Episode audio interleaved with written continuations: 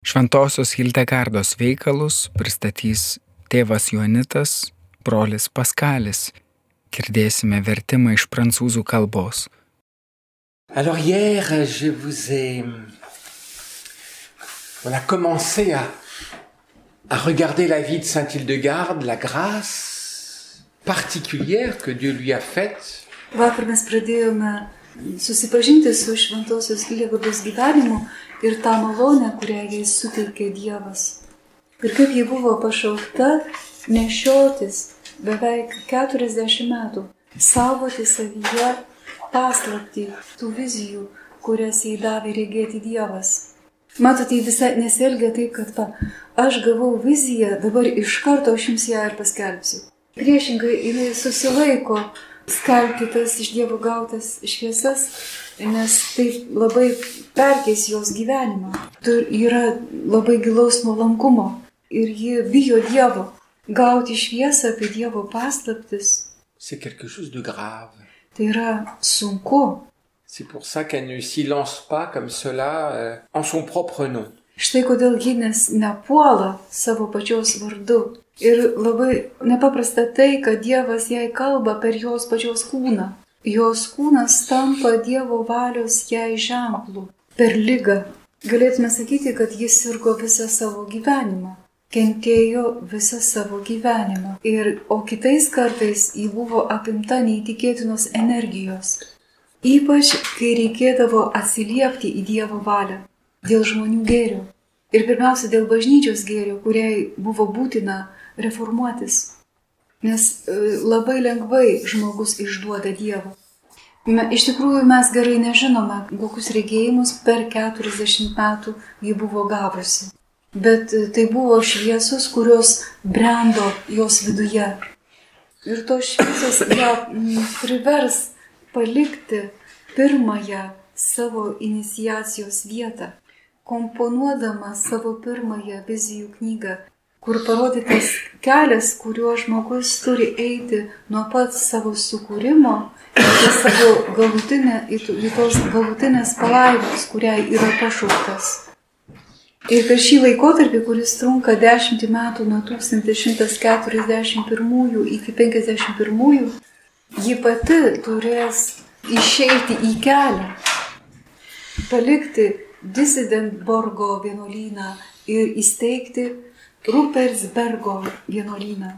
Ir Rupersberge ji pagaliau įsteigs vienuolyną pagal savo širdį, pagal šviesą, kurią ji gavo. Kai pamatysime Dievo darbų knygoje, tai yra tikrai apreiškimas, die, meilės darbų apreiškimas, kurio dėka meilės darbų dėka bažnyčia tikrai yra Kristaus sužadėtinė. Ir žmogaus siela, priimdama tikėjimą, irgi yra pašaukta tapti Kristaus sužadėtinė. Ir Rupersberge švenčių dienomis vienuolės apsirengdavo kaip apokalipsėje, kaip sužadėtinės pasipuošusios savo sužadėtiniui. Baltai, pasipuošusios brangakmenių vėriniais. Voilà, les cheveux euh, tout, voilà, tout beau, quoi. Gražiom šukuosenom, gražiais palaidais plaukais, kaip, kaip nuotakos. Ir aplinkiniai stebėdavosi, blokatos moterys ten veikia. Elle dansait et, ces chants euh, qui sont des chants ardents, vous entendez bien. tai yra ugningos giesmės, gyvos giesmės. Tai visiškai toks nesusigūžęs vienuolinis gyvenimas. Ir jame buvo kažkas pranašiška ir labai aktualaus, ir labai gilaus. Ir šio įsteigto vienuolyno gyvavimo metu ji buvo labai nuskurdinta, nes daugelis seserų vienuolių ją, ją apleido. Rūpesbergo vienuolyną buvo griuvėsiai, kurie priklausė buvusiam atsiskyrėliui eremitui. Vardu Robertas, germaniškai būtų Rupers, Rupertas. Ir ta jau griuvėsiai buvo apaugę, apaugę medžiais. Ir tos kilmingosios dukros nebuvo pasirengusios viską prarasti ir viską as- pastatyti iš naujo. Dievas dažnai leidžia visišką sugriovimą tam, kad viską atnaujintų iš pagrindų. Ir Hildegarda buvo buvo labai išbandyta to, kad ją apleido daug seserų. Ji kentėjo ir nuo tos neig, tokios neigiamos kritikos, negatyvios kritikos tiek iš vienuolių pusės, brolių vienuolių pusės, nes jie, jie neteko tokių turtingų kraičių. Ir dėl viso to Hildegarda atsidūrė, tapo labai vieniša. Vienintelė jo šviesa buvo Dievo valia, o ne žmonių valia. O žmonės visą laiką kovoja su Dievo valia. C'est pour vous dire que si elle reçoit des lumières extraordinaires du ciel, Visą tai sakau, kad jums parodyčiau, jog Hildegarda, kai jinai gauna tas nepaprastas šviesas iš dangaus, jinai yra pirmoji norinti gyventi pagal tą šviesą. Ir jinai privalo stoti į dvasinę kovą. Matote, tai nėra tik tai taip paprastai gauti vizijas ir taip ir toliau savo ramiai gyventi. Tai noriu pasakyti, kad skyvijas yra gaun, rašoma tuo, tokiu laikotarpiu ir, e, ir skyvijas atitinka tą irgi brandinimo laiką. Tai žodžiu, yra, tai yra išminties valanda Dievo, dievo darbo dirbti. Ji ne pati nusprendė, kad pagavau tiek daug šviesos, dabar aš turiu paskleisti ją žmonėms. Pas Dievas ją parengė ir dabar įsako, kad jinai duotų žmonėms tą šviesą. Ir taip jį pradeda komponuoti Sivijas knygą. Ir vakar mes pamatėme, kokio tipo vizijas jinai gauna, patiria. E, Matome, kad gaudama reikėjimus, ji lieka savęs pačios šeimininkė. Jis turi save savo rankose. Tuo labiau, tuo pačiu, kai tos vizijos yra tikrai pribloškiančios, bet jinai lieka savęs pačios šeimininkė. Ir jinai pati tai pasako, tuo visiškai nesigirdama, kad tų vizijų gelmė yra tokia gili, labai gili, ji tai yra dieviška gelmė užslėpta tose vizijose. Akivaizdu, kad mes negalime dabar kartu visi perskaityti, pereiti per visas, visas skyvijas knygą. vous avez dans un des livres là qui était là hier, Ir vienoje Um, iš knygų, kurį čia Euh, tenai albume, galite pasižiūrėti, tai yra bandymas atvaizduoti tas vizijas, skyvijas knygos ir jos, jas palydi tekstai. ces Ir, ir galima tikrai teikti, kad šventoji Hildegarda jinai prižiūrėjo tiek teksto užrašymą, tiek tų iliustracijų rašymą. Ir skyvijas knyga mums parodo didį žmogaus gyvenimo kelią, kuris yra išganimo kelias. Galima būtų sakyti, kad šiais laikais žmogus taip yra netekęs supratimo, taip nebežino savo gyvenimo prasmės, kad jį reikia gelbėti. Mes dažnai Jėzų vadiname savo gelbėtoju, bet iš ko jis mus gelbėja? Kai sakau, Kristus mano gelbėtojas, nuo iš ko jis mane gelbsti? Kur reikia, iš ko, nuo ko reikia mane gelbėti? Nes man nieko netrūksta, Et quand je suis malade, la science fait tout. kai susirgu, mokslas viską padaro. Kai man kažko trūksta, tai yra maksima arba e, super maksima, hiper maksima etc. ir taip toliau. Reikia iš naujo atrasti išgelbėjimo prasme, tą tikrą santykį su Dievu. L'homme aujourd'hui a décroché de Dieu. Žmogus šiandien jisai atsikabino nuo Dievo. Jisai paliko Dievą savo užnugaryje ir, ir jisai nori viską iš, iš naujo išrasti tiek save patį, tiek, e, tiek gamtą.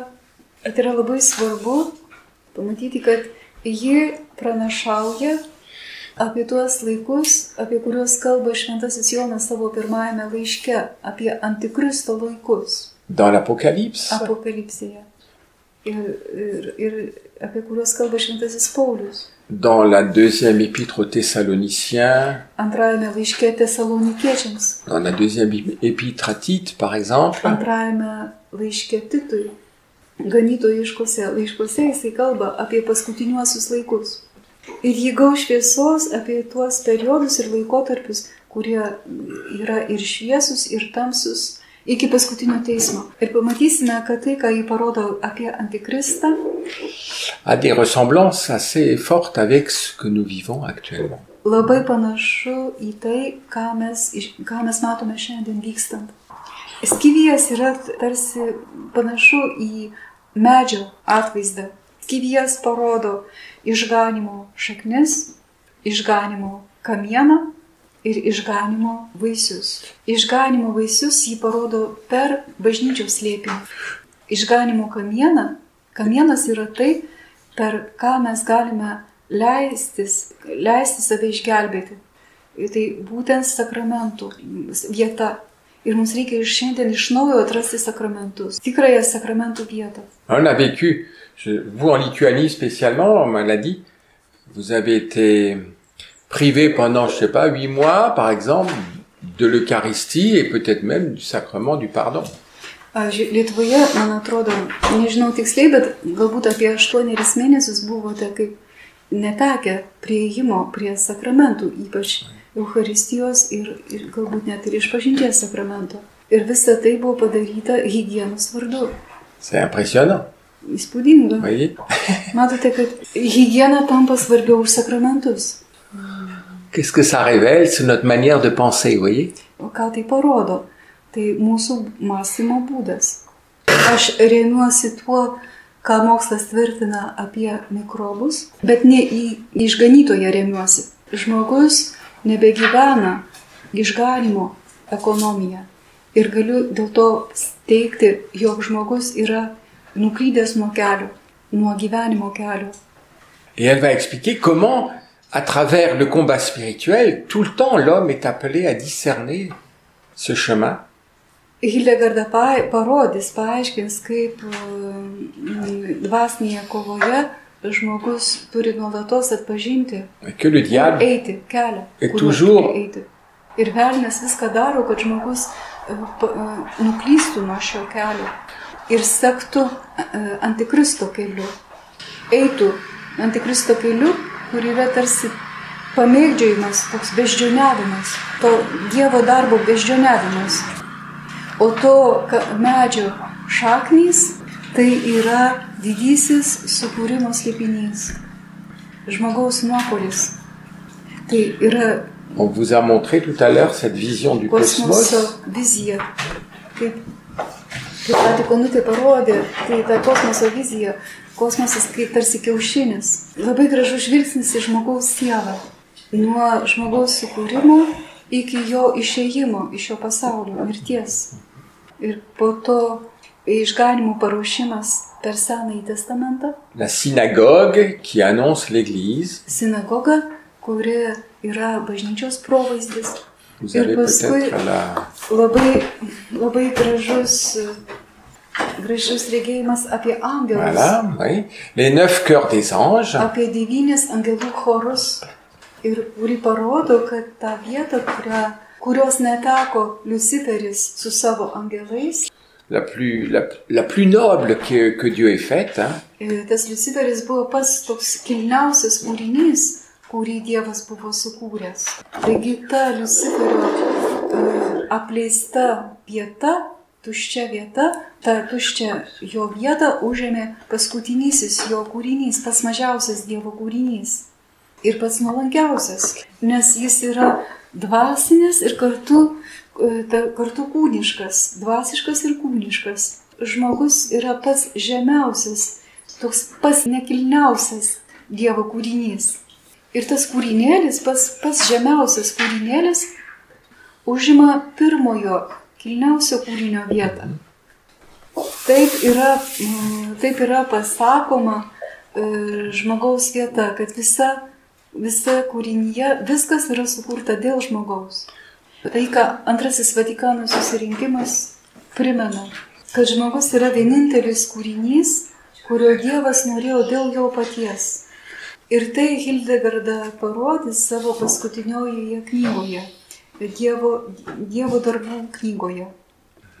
Matote, tai yra didžioji žmogaus kelio į gyvenimą arba į mirtį vizija. To kelio, kuris turėtų būti sudėvinimo kelias, pasibaigiantis palaimintų regėjimu. mūsų rojus tai Dievas. Žemė yra skirta tam, kad būdami pas save būtume pas Dievą. Žemė yra tarsi pakojus, per kurį turime pasilypėti link Dievo. Velnis ir antikristas nori, mm, kad žemė būtų, taptų mūsų rojumi. Ir padaryti, kad į visus dalykus žiūrėtume tik pagal žemę, tik žemiškai. Tai antikristiškas kelias mus predestinuoja nelaimiai. Kaip tai parodoma apokalipsėje.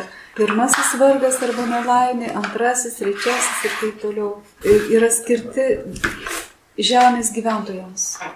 Nes žmogus viską praranda ir netgi pats pražūsta. Jis e, arba buvo apgautas, arba apgavo pas save. Paskui pamatysime, kad žmogus privalo eiti tuo keliu. O ką žmogui reiškia eiti keliu? eiti keliu reiškia veikti. Žmogus yra pašauktas atlikti veiksmus. Jis yra atsakingas už savo paties gyvenimą ir už kitų gyvenimus, už savo brolių gyvenimą. Ir tas kelias jį vers palikti senąjį žmogų, tai yra įdas, kad Dievo malonės dėka taptų gyvų. C'est le sens des vertus chez Saint Hildegarde.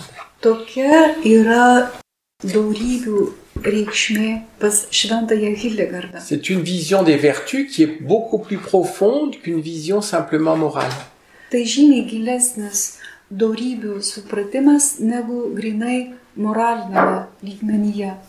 Ir tai ją paragins sukomponuoti antrąją knygą. Qui s'app- qui s'appelle le livre des mérites de la vie. vadinama gyvenimo nuopelnų knyga. Ir ji labai, ji, turi ne, ji yra nepaprastai subtili, matydama žmoguje esančias įdas, prieštaraujančias darybėms. Ir jinai išvelgia 35 darybės ir 35 įdas. Ir pasakyčiau, kad tai yra žymiai subtiliau negu visos psichologinės teorijos. Et c'est très beau parce que euh, la, la, la première Ir tai labai gražu, nes pirmoji įda tai šio pasaulio meilė. Meilė šiam pasauliui. Tai pasaulio turtus stammeldystės rūšis. O dorybė priešinga šiai įdai yra dangaus meilė. Ir ji parodo, kalbėdama apie žmogaus sielą, kad žmogaus siela yra pilnai savimi pačia, kai jinai ilgisi dangaus.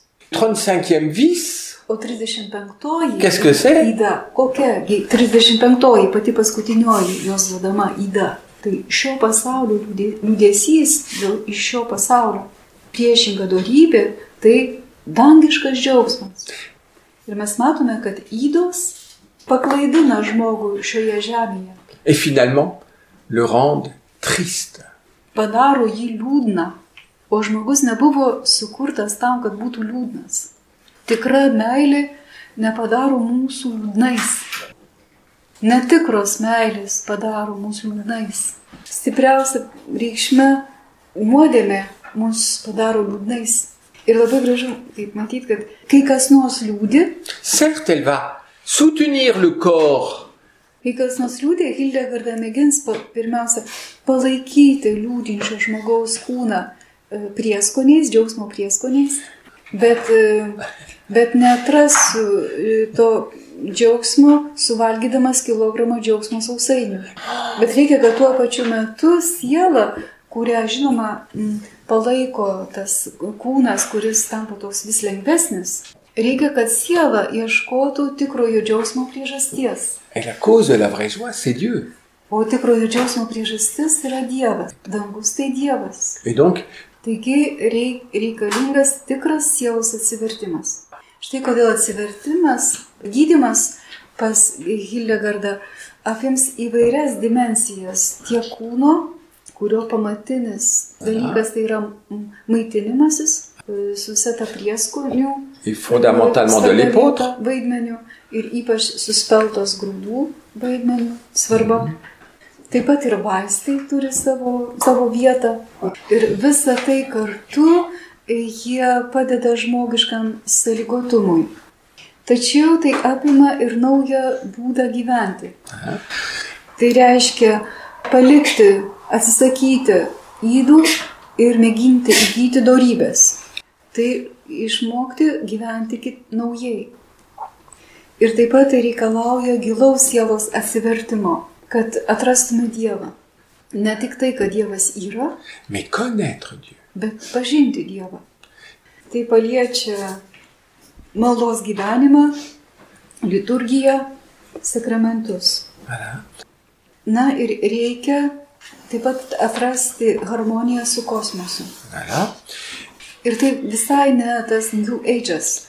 C'est pas un panthéisme Tai nėra panteizmas. Tai reiškia atrasti kosmoso harmoniją, qui est le macrocosme, to makro kosmoso, le grand cosmos. didžiojo kosmoso. Dėl to mažojo kosmoso, mikrokosmoso, kuris yra pats žmogus. Ir antrojoje ir trečiojoje Dievo darbų knygos vizijose pamatysime tą tikrąjį susitaikinimą su, su kūrėjo išmintimi. Tai visai kas kita, nei norėti išeikvoti kūrinyje. Tai visai kas kita, nei norėti palengti kūrinyje žmogaus minčiai. Pavyzdžiui, šiandieninis ekologizmas C'est pour beaucoup une idéologie. daugam tampa ideologija. Žmogus ir toliau neieško, kokia yra kūrinijos išminties tvarka. Jis nori tik tai paskirstyti gamtos išteklius, o tai visai kas kita. Jis rengia muziejus, e, tokias e, užkonservavimo vietas, kurias mes tik lankysime. Dans ce cosmos qui doit le conduire vers Dieu. Bet tačiau jis netranda to tikro tikslo, kad e, atrastų tą, kaip kosmosas yra dėl žmogaus, o žmogus turi vesti kosmosą link jo galutinio tikslo. Ir toje šviesoje Alors le comment exact, c'est difficile de savoir. mums sunku žinoti, kokiu būdu. Mes negalime tiksliai žinoti, kokį įnašą e, visame tame yra įnešusi to laiko gamtos pažinimas ir e, senųjų e, mąstytojų ir tas įnašas paveldas yra Hildegarda. Jinai pažvelgs į visatą, kurios sąra- sąranga yra pagrįsta keturiais elementais, iš kurių sudarytas ir žmogaus kūnas, Le microcosme tas mikrokosmosas. de chaque créature Ir ji mėgins suprasti tą kokybinę reikšmę kiekvieno kūrinio, to kūrinio santykyje su žmogumi. Ir tokiu būdu e, bet koks mineralas, augalas ar gyvūnas gali tapti žmogui arba maistu, arba vaistu. Tai ne vienas ir tas pats. Ir ji e, tai aprašys knygoje, kurios pavadinimas fizika. Voilà pour les. Et le, Jinai- Jis aprašo visas tas natūralias substancijas. Ir kitoje knygoje Kauzė et kūrė. de quoi soulager, voire guérir l'homme. Nes Dievas per kūrinyje davė viską, ko reikia žmogui arba palengvinti skausmą, arba jį išgydyti. Moteris, kuri gavo tiek daug šviesos apie Dievą, Dans les réalités les plus matérielles. ji labai giliai ieškos šviesos, tiesos ir pačioje mažiausioje medžiagiškoje tikrovėje. On a vu plusieurs lycopodes.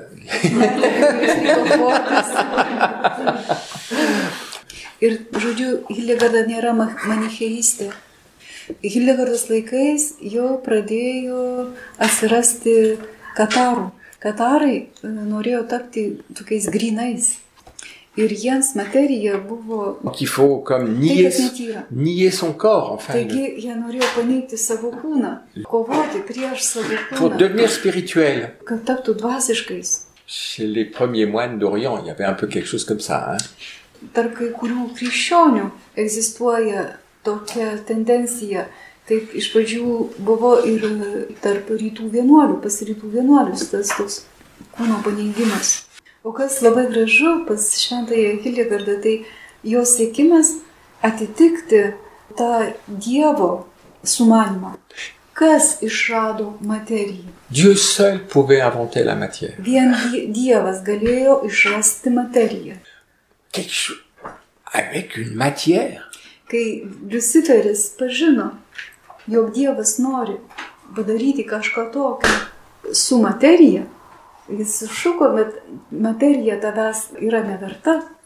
Kaip tu, būdamas Dievas, gali daryti kažką tokio, pasitelkdamas materiją? Materijos dėka žmogaus liepinys gali, gali būti įgyvendintas. Nes mes turime tą pačią prigimtį, en étant chacun une personne unique. Kiekvienas būdamas nepakartojimu asmeniu. Ir to angelų pasaulis nežino, nes jie turi tą pačią prigimtį. Taigi žmogus yra pašauktas priimti Dievo meilę, gyventi tą Dievo meilę, kad ta meilė būtų gyva, broliškoji meilė, abipusiai meilė. Kad mylėtume vienas kitą, kaip dieviškiai asmenys myli vienas kitą. Ir mes pasižiūrėsime, kaip viskas kyla iš tos Dievo meilės ugnies. Žmogus yra sukurtas dėl meilės. Anti-amour. Ir visos įdos yra meilės priešybė. Les vices tuent l'amour. Įdos užmuša meilę. Ir todėl užmuša ir žmogaus sielą. Ir netgi gali sielą susargdinti. Bet labai dažnai blogi, žmonės neserga. Ši 72 psalmė. Chose. tai pasako, įsiklausė, kad blogiesiams sekasi. Et que l'homme, O kad teisusis kenčia sa- per savo gyvenimą, kaip tai atsitinka, kaip tai gali būti. Nes yra mm, netikra laimė, o teisėjam ateina išbandymo laikas. du chemin de l'homme. Kildegardai išbandymai yra žmogaus kelio dalis, sudėtinė dalis. Nes Dievas leidžia tam tikrą blogo siautėjimą. Dievas leidžia net galutinį blogio siautėjimą. Ta aukščiausiai išbandymą. Bet tam, kuris tiki, galutinė pergalė yra užtikrinta. Le chrétien est le seul homme Krikščionis yra vienintelis žmogus, kuris gali būti tikras dėl pergalės. Jeigu ne, tai mes visą laiką esame tik jėgos santykyje. Logiškai žiūrint, tai stipresnis nugali silpnesnį. sauf des fois par la ruse. Išskyrus nebent apgaulės dėka. Silpnasis gali nugalėti stiprųjį. O Dievo pergalė tai meilės pergalė. de ce chemin de la vie de l'homme. Tai didžioji žmogaus kelią nušviečianti saulė. Ir ši kova, nor, siekiant įgyti darybių, aprašyta antrojoje knygoje, kurią parašė 1158 iki 63 metų, tai truko penkeris metus. Tai šitas darbas tikrai yra vertas. Vertas stoti šį darbą. Jo svarbiausia užduotis tai žmogaus sudėjimas. Maitintis pagal Dievo išmintį, gyventi,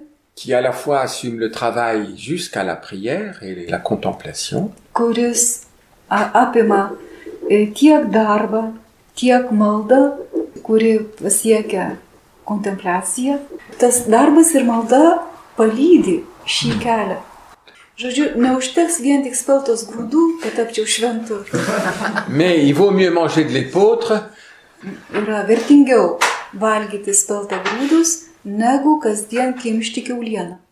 Bet jeigu kokio šventės susitinkant kitą žmogų, šventės proga, jūs galite valgyti keulienos ir jums nieko blogo nenutiks. c'est jamais, on pourrait dire, sectaire ni idéologique.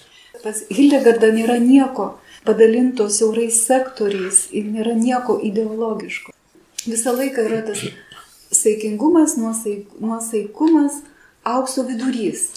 Labai didelis vidinis apsisprendimas, labai didelis lankstumas. Parce que l'enjeu, Nes visako siekinys yra tikslas, bendrystė. mais aussi donc, c'est traiter Per šiuos penkeris metus ji, ji sukomponuoja tą antrąją knygą apie gyvenimo nuopelnus ir tuo pačiu metu tas fizikinės knygas apie, apie lygas, vaistus ir fizikinį pasaulį. Ir kas labai įdomu, tai kai jinai ką nors regi, ji tuo pačiu metu ir girdi. Tai regėjimas ir klausa. Vous avez entendu que Dieu lui parle, donc elle entend la voix de Dieu. Jūs girdėjote apie tai, kad Dievas jai kalba, taigi ji girdi Dievo balsą. Bet ji girdi ir dangaus muziką. Dangus tai didysis angelų koncertas. Quand les anges louent, Kai angelai šlovina Dievą, kuris yra tėvas ir duoda visą, ką turi geriausia, tuomet galime jį tik šlovinti. c'est pour ça qu'il y a une liturgie céleste Štai kodėl yra dangiška liturgija, šlovinanti Dievą, šlovinanti Dievo šlovę. et dont elle va donner comme un écho ici-bas. Ir ji pamėgins perduoti mums to šlovinimo aidą čia, šiame gyvenime. Des Kaip séquences parašys antifonų, himnų, sekvencijų, kuris bus kaip to dieviško koncerto aidas. ces compositions. Va tuose, tuose giesmėse, kompozicijose. Tuose giesmėse, kurios vienu metu įsišaknyja bažnyčios tradicijoje ir kartu yra kažkuo nauja. Ten yra kažkas tokio, ką jį tiesiogiai girdi iš to Dievo šlovinimo. C'est un chant qui n'est pas simplement, c'est pas purement du chant grégorien. Štai kodėl tai nėra grinai grigalinis gėdojimas. Šiame gėdojime yra toks poreikis, toksai užsidegimas, kai muzikologai analizuoja šias kompozicijas. Ces affirmations sur la, les réalités naturelles Panašiai kaip mokslininkai analizuoja Hildegardos pateiktus gydimo metodus, vaistus, tie muzikologai tikrai randa labai ryškų savitumą. Ir vienas iš tokių svarbiausių ypatumų, tai kad kartu tai yra nepaprastai dvasinga ir kartu nepaprastai atidu tam, kas taip labai materialu apčiuopiama. Jos vizijose tie du dalykai sujungti. Tai lygiai taip pat ir jos giesmėse tas atstumas. Autant que la voix humaine puisse, puisse monter et descendre autant que c'est possible. Hein, c'est Tai yra dangus ir žemė. Lygiai taip, kaip aukštai jį gali ir balsu užkopti, lygiai taip žemai ir nusileidžia. deux octaves. Jis gali net dvi oktavas nusileisti. Taip, pakilti, pakilti vieną oktavą, pakilti dar vieną oktavą nusileisti. Matot, kaip gražu, kad pas ją niekada ne, nėra nieko dialektiško, nie, niekada nėra e, supriešinamas dangus ir žemė. Viskas yra išlaikoma visumoje. O mes esame paženklinti tos dialektinės minties. Aš nuolat supriešinu tai, kas dvasiška ir tai, kas materialu. Aš visą laiką priešinu tai. Tandis que sa manière de penser n'oppose pas. O jos mąstysenoje tai niekada nėra supriešinta. Vienintelis dalykas, kuris tam priešinasi, tai blogis. Tarp Dievo kūrinių nėra susipriešinimo. Net jeigu aš nemėgstu uodų, bet nėra tarp uodų ir manęs priešiškumo. Réalité Nes kiekviena tikrovė turi savo vietą. Ir materija yra grinas Dievo darbas. Le, le tombeau de l'homme. O velnas nori materiją paversti žmogaus kapu. Jis nori, kad žmogus pas, nuskestų materijoje. Bet visa tai nėra tikroji materija. Marksas. Ah, si les, les, quoi, les, les prolétaires et les, je sais pas quoi, les capitalistes, Pažiūrėkite, į Marksas jisai viską supriešino tarpusavyje. Didelius ir mažus, stiprius ir silpnus, kapitalistus ir proletariatą.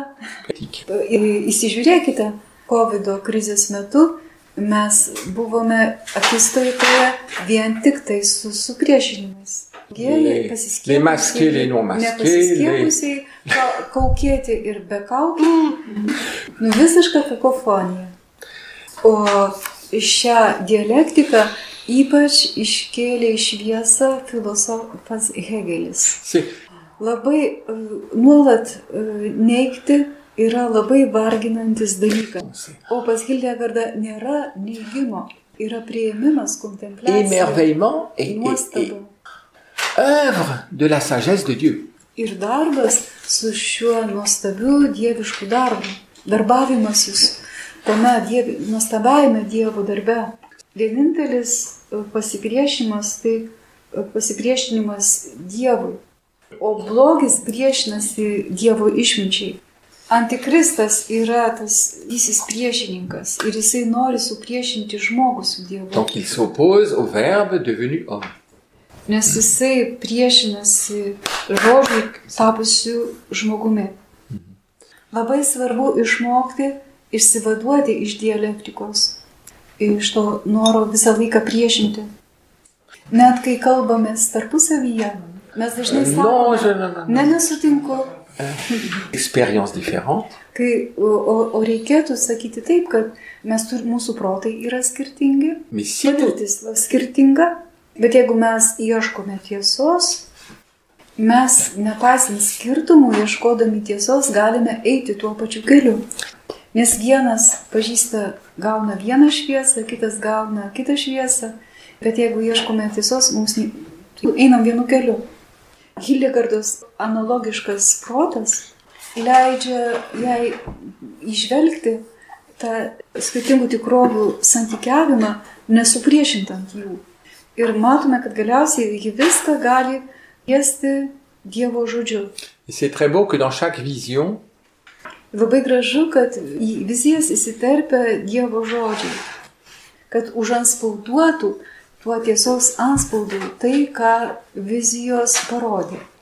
une des colonnes, c'est la colonne de la parole de Dieu. Štai kodėl Skyvijas knygoje vienas iš spaudų ant kelio tai yra Dievo žodis. Ar mes kasdien skaitome Dievo žodį, ar jis lieka užvertas knygose, ar mes jo klausomės kasdieną, ar aš leidžiu Dievui man kalbėti kasdieną, ar mėginu jo klausyti. Neužtenka vien tik skaityti. Aš skaitau tam, kad klausyčiau. Paskutinis didysis traktatas gyvenimo pabaigoje tai yra didžioji vizija apie tai, kaip Dievas veda visą pasaulį ir žmoniją. Tai yra tarsi toksai kaip naujas apibendrinimas ar viso ko surinkimas į vieną. Tai visų tų elementų, kuriuos mums davė knygoje skyries apie tą kelią. Sudeda da, tą kelią. Dans l'agir humain, comment à la fois Ir taip pat tos praktinės pusės, kad kaip, kaip aš turiu veikti, kad įgyčiau darybės ir atsikratyčiau įdų. Galima būtų sakyti, kad du pirmieji traktatai yra daugiau tokie et le dernier, analitiniai, le dernier, c'est comme une vue d'ensemble. o, pir, o paskutinysis tai yra kaip tos visumos matymas. Tai iš, iš naujo suimama, apibendrinama visa tai, kas buvo taip išskaidyta, analizuojant. Ir tas apibendrinimas iš jos dar pareikalaus de, apie dešimtį metų. De 1163. Nuo 1163 iki 1173 metų. Ir tuo metu, kai jinai komponuos tą dieviškųjų darbų knygą, jinai įsteigs antrąjį vienuolyną, bet tai bus trečiasis, kur ji gyvens. De la Nae qui se jette dans le Rhin, Rufelsbergas buvo ten, kur tokia upė įteka, santakoj. Jis yra su upės į Reiną. Tai Rupelsbergo vienuolynas yra vandens kelių kryškelėje. Yra pasaulyje, bet ne iš pasaulio. Kaip Taip. Hildegarda yra arti imperatoriaus, tuo pačiu būdama vienuolynė. Antrasis įsteigtas vienuolynas yra ju- Tai yra kitoje Reino pusėje, kitame Reino krante.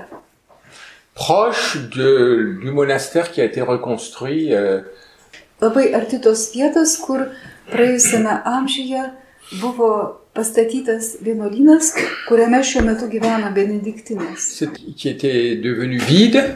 Tas vienuolynas ištuštėjo tuo met, kai vienuolis išsikėlė arba mirė, į tą patį vienuolyną atsikėlė iš naujo gyventi benediktinės. Ir nepaprasta matyti, kad tarptų dviejų vienuolynų, taip keliaudama iš vieno į kitą vienuolyną, Hildegarda turėjo daug kartų perplaukti Reiną, o tais laikais perplaukti iš vieno kranto į kitą nebuvo taip paprasta. Plaukiodama iš, nu, iš vieno kranto į kitą, ji pa- yra padariusi nemažą stebuklų, bet apie juos dabar nepasakosiu. Yra labai slėpiningas Dievo leidimas visam tam, ką atliko šventoji Hildegarda. Nieko nebeliko. Rupersbergo vienuolynas buvo nuniokotas švedų karo metu. longtemps, hein, sur, jusqu'à la fin du 19e siècle, Iki XIX amžiaus pabaigos buvo išlikę griuvėsiai, to vienuolyno griuvėsiai. Bet sugalvojo ten nutiesti geležinkelį. et Ir tam, kad geležinkelis galėtų būti nutiestas, buvo išsprogdinta uola, ant kurios stovėjo tas vienuolynas. Galbūt yra likusi viena arkelė tokiam viename iš ten pastatytų namų, bet tai nėra tikra. c'est assez impressionnant. Tai gan įspūdinga, aš manau, kad demonas nelabai myli šventąją Hildegardą. Ir tas Einbingeno vienuolynas, Figurez-vous que gal įsivaizduokit, tarp dviejų pasaulinių karų ten kilo gaisras. donc dans le 20e siècle, il a brûlé. Jis sudegė 20-ame amžiuje. Pavyko išgelbėti relikvijas, kurios saugomos bažnyčioje, kuri buvo atstatyta. Pas là, pas là où se trouvent les bénédictines actuellement. hein. Bet ne ten, kur šiuo metu gyvena benediktinės. Man tai leidžia galvoti, prisiminti šventąjį Joną. À Éphèse, tout est détruit aussi. Efeze irgi viskas buvo išgriauta. Žemės drebėjimo išgriauta. Comment est-ce qu'il a brûlé ce monastère Je ne sais pas. O Hildegardos pusėje tai karas ir gaisras viską sugriovė. C'est que lors d'un Ir kai buvau ten piligriminiai kelioniai tame Einbingene, Einbingene aukojo à mišes, Bingen, la présence de Sainte Hildegarde. labai stebina, kaip jaučiamas Hildegardos buvimas ten. Atrodytų, kad viskas sugriauta, bet ji ten yra. Labai nuostabu.